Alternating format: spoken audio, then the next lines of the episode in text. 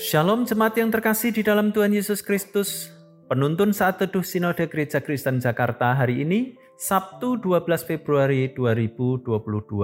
Allah yang benar. Roma pasal 3 ayat yang ke-26.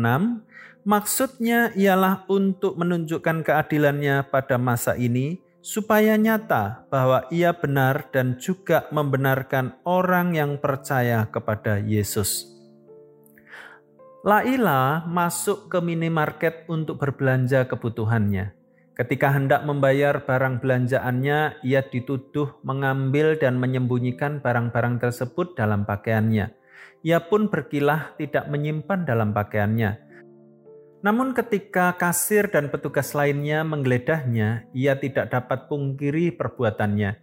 Rupanya perbuatannya telah diawasi oleh petugas melalui kamera pengawas atau CCTV. Pada perenungan hari ini, Paulus melanjutkan penekanannya tentang keadilan dan kebenaran Allah.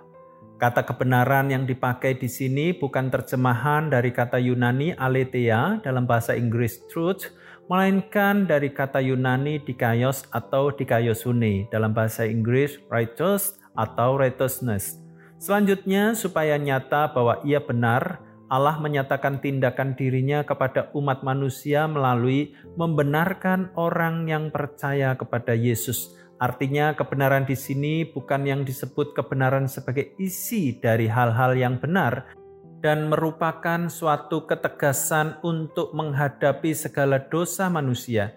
Kebenaran di sini bersifat positif yang diberikan oleh Allah di dalam Kristus Yesus kepada semua orang percaya Allah menunjukkan kebenarannya yang adil untuk manusia supaya dunia dapat melihat bahwa ia adalah pribadi yang adil dan benar, serta memberikan pembenaran kepada orang yang percaya kepada Kristus Yesus. Inilah arti benar dan membenarkan. Inti dari pembenaran ini terletak pada penebusan Kristus. Hanya melalui pengorbanan Kristus di kayu salib, semua sifat Allah dipuaskan rencana Allah tergenapi oleh karya Kristus Yesus yang sempurna. Manusia hidup dalam dosa, manusia memiliki potensi untuk melakukan kejahatan dalam bentuk apa pun, manusia juga dapat menutupi kesalahannya dengan berbohong dan sebagainya. Namun ia tidak dapat menutupi fakta dari perbuatannya. Meskipun alat deteksi sangat canggih dan mampu menolong untuk mengungkapkan perbuatan jahat seperti kisah Laila di awal, namun alat tersebut sangat terbatas. Hanya Allah mengerti isi hati manusia sedalam apa pun. Hanya Allah yang dapat melihat kedalaman hati kita. Semua manusia terbuka di hadapan Allah. Semua dosa nyata di hadapannya. Manusia tidak dapat membela dan menyelamatkan dirinya sendiri.